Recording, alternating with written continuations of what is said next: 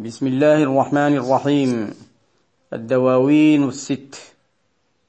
لمنشئها ومؤلفها فضيلة مولانا وشيخنا شيخ الإسلام الشيخ إبراهيم ابن الحاج عبد الله الكولخي رضي الله عنه. تقديم أبو عركي الشيخ عبد القادر النذير. التسجيل رقم سبعة وثلاثين وهو في صفحة ثمانية وأربعين من الكتاب. قال رضي الله عنه شمخت عن الأكوان يا خير منقذ وفقت بمدح فائق لزمرذي رسول من الذات المقدس سرها قبيل وجود السر أنسي وجهبذي نبذت ورب البيت حب سوائه. ألا يا حبيب الذات سوئي ألم بذي. فإني لعمري ما بقيت متيم بحب رسول الله كهفي ومنقذي. وشغلي مدى الأيام مدح جنابه. ألا يا ملاذ الخلق جد لي وأنقذي. وقدني إلى المحبوب جد لي بالمنى. وصلني فإني للصلاة لك الذي أتيت وإن الكثر قل بقلتي. تقبل بفضل منك خير منقذي. فصلى عليه الله مقدار قدره. وآل وأصحاب علوا كل جهبذي وهذه القصيدة الأخيرة من ديوان تيسير الوصول إلى حضرة الرسول. صلى الله عليه وعلى آله وصحبه وسلم ويليه ديوان إكسير السعادات في مدح سيد السادات. وأقول مستعينا بالله تعالى ومستمدا من أبوابه. قال الشيخ رضي الله تعالى عنه شمخت عن الأكوان يا خير منقذ قال يمدح النبي صلى الله عليه وعلى آله وصحبه وسلم شمخت عن الأكوان علوت وتفوقت عن الأكوان بل أنت رحمتها. قال الله عز وجل وما أرسلناك إلا رحمة للعالمين. يا خير منقذ أنت خير منقذ هو الذي ينقذ الناس في هذه الحياة الدنيا بإدخالهم إلى الإسلام وبهدايتهم من الضلالة ومن الظلمات إلى النور وكذلك ينقذ المسلمين المؤمنين في الآخرة بالشفاعات المتعددة وبإدخالهم الجنان وبرفع درجاتهم. وفقت بمدح فائق لزمرد. أنت شمخت عن الأكوان يا خير منقذ. وكذلك من الله عز وجل علي بأن تفوقت بمدح بمدح لك هذا المدح موصوف بأنه فائق لزمرذ وزمرذ هنالك كلمة زمرذ موجودة في المعجم. وأيضا زمرد الاثنان. أرى هنا في الطباعة كتبت لزمردي وكأن الطابعة استبعد زمرذ هذه. ولكن القافية ذال أصلا هي. القافية ذال جهبذي ألمبذي منغذي أنغذي فكيف تكون لزمردي لزمرذي وزمرذ نفسها موجودة في القاموس. قالوا وهو الزبرجد. معرب. يعني كان عجميا وعرب. وهو نوع من الجواهر معروف. وهل هو نفس الزمرد؟ أم أن الزمرد شيء آخر؟ لأن الزمرد أيضا معرف في المعجم بأنه حجر كريم أخضر اللون شفاف. المهم مديحي هذا فاق لهذا الجوهر الكريم. رسول من الذات المقدس سرها. المولى عز وجل أرسله من الغاية القصوى كما قال في قصيدة أخرى. رسول من ذات المولى عز وجل المقدس سرها. الذات مقدس سرها مطهر سرها منزه سرها. جل وعلا. قبيل وجود السر. السر هنالك ما فوق السر وهو الأخفى. المولى عز وجل قال يعلم السر وأخفى. أو قبيل وجود ظهور السر للأكوان. لأن النبي صلى الله عليه وعلى آله وصحبه وسلم هو أول بارز وأول مخلوق وأول ذاكر وأول عابد للمولى عز وجل. وجهبذ والجهبذ هو العارف البصير. ثم قال نبذت ورب البيت حب سوائه. نبذت تركت ورفضت ورب البيت أقسم برب البيت أنه ترك حب سوائه حب سوى النبي صلى الله عليه وعلى آله وصحبه وسلم. يقول الشيخ رضي الله تعالى عنه في إحدى قصائده يهيمون شوقا بالرباب وفرتنا وجمعي حباني حب أحمد والفرق. وهل يتأتى حب غير محمد؟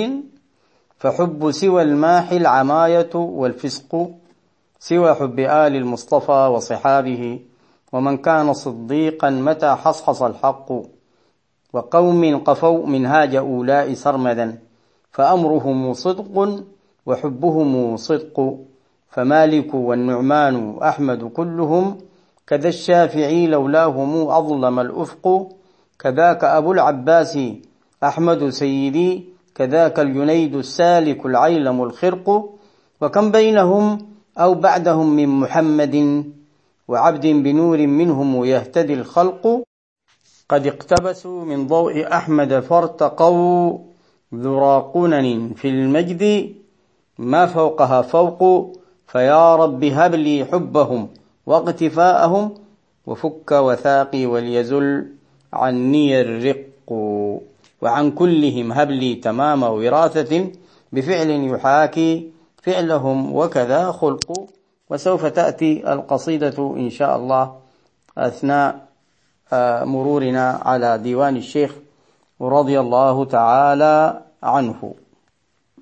ولذلك قوله نبذت ورب البيت حب سوائه يفهم في هذا المجال الذي ذكره الشيخ رضي الله تعالى عنه لأن حب من ينتمي إليه صلى الله عليه وعلى آله وصحبه وسلم كذلك من حبه والسوى المقصود به غير حضرته صلى الله عليه وعلى آله وصحبه وسلم الجامعة لما ذكرناه وغير حب حب الله عز وجل المقصود به الشواغل والذي يجعل الإنسان غافلا عن الحضرة.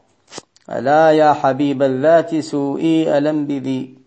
أنا نبذت حب سواك فانبذ أسوائي. فانبذها انبذ أسوائي اطرحها اطرح السوء الذي في. فإني لعمري ما بقيت متيم بحب رسول الله كهفي ومنغذي فإني متيم فإني متيم. لعمري قسم أقسم بعمره رضي الله عنه وهذا يتردد وكذلك في كلامه. مثلا يقول لعمري وما عمري علي بهين. ما بقيت يعني مدة بقائي. لعمري أنا متيم بحب رسول الله الذي هو كهفي الذي ألجأ إليه والذي هو منقذي. نلاحظ أن القصيدة فيها كلمة الإنقاذ هذه تكررت. من أولها يا خير منقذي. ثم قال هنا كهفي ومنقذي. والبيت الذي يليه جد لي وفي بيت كذلك يأتي خير منقذي. وهكذا. فإني لعمري ما بقيت متيم بحب رسول الله كهفي ومنقذي وشغلي مدى الأيام مدح جنابه. وكذلك هذا شغله طبعا. الشيخ رضي الله تعالى عنه يقول في إحدى قصائده فكلي مشغول بكل محمد ولم أتخذ خلا سواه وما نلت. كلي مشغول فكلي مشغول بكل محمد صلى الله عليه وعلى آله وصحبه وسلم ورضي الله عن الشيخ. ألا يا ملاذ الخلق جدلي وأنقذي. يا ملجأ الخلق جدلي من الجود أعطني وأنقذني. وقدني إلى المحبوب الحق سبحانه وتعالى لأنها لأن النبي صلى الله عليه وسلم هو الباب إلى المولى وليس سواه والباب إلى معرفته والباب إلى محبته. وصلني صلني اجعلني موصولا. فإني للصلاة فإني محتاج للصلة كالذي أي مثل الذي. والذي اسم موصول من الأسماء الموصولة. دائما يحتاج للصلة. وذكر ذلك هذا المعنى كذلك في في الديوان مرة أخرى. فقال فإني لوصل المصطفى الغوث كالذي أي مثل الذي. دائما يحتاج إلى صلته صلى الله عليه وعلى آله وصحبه وسلم. ثم قال رضي الله عنه أتيت وإن الكثر قل بقلتي مكتوبة هنا قل ولكن هي قل بقلتي تقبل بفضل منك خير منقذي. انظر إليه كرر جاء بالإنقاذ مرة أخرى ويطلب من النبي صلى الله عليه وسلم أن يتقبل بفضله ووجوده وكرمه هذا القليل الذي جاء به هو رضي الله تعالى عنه في مدحه. أو قد يكون المعنى والله أعلم آه، أتيت وإن الكثر قل بقلتي يشير إلى غربته رضي الله تعالى عنه وسط الناس. كما يقول هناك لترحم غريبا عينه ولسانه. وأذواقه يا خير غوث ومنفس. أو والله أعلم لجمعه لجمعه المتفرق. المتفرق الكثير جمعه هو الشيخ رضي الله تعالى عنه في حضرته إذ تجلى الله عز وجل عليه فجعله وارثا للشيخ رضي الله عنه في مقام آدم الأرواح. أو إشارة إلى هذه القلة التي في الحضارات وأشار إليها أيضا في إحدى قصائده فقال إلى ذروة تعدادها بالخناصر أو الجمع الكثير يرى مفردا في عين الشيخ رضي الله تعالى عنه ترى جمع أحبابي وذا الجمع مفرد أو أنا أتيت بأمداحه هذه وإن الكثير في حقه صلى الله عليه وسلم قليل. وبمعنى آخر بمعنى إمداده صلى الله عليه وسلم وبمعنى الفائدة التي يجنيها المادح وباعتبار ذلك فالقليل أيضا كثير كما يقول الشيخ في إحدى قصائده قليل مديح الهاشمي كثير والله أعلم. فصلى عليه الله مقدار قدره. وآل وأصحاب علوا كل جهب ذي أي كل عارف وكل بصير رضي الله عنهم. ونواصل إن شاء الله تعالى.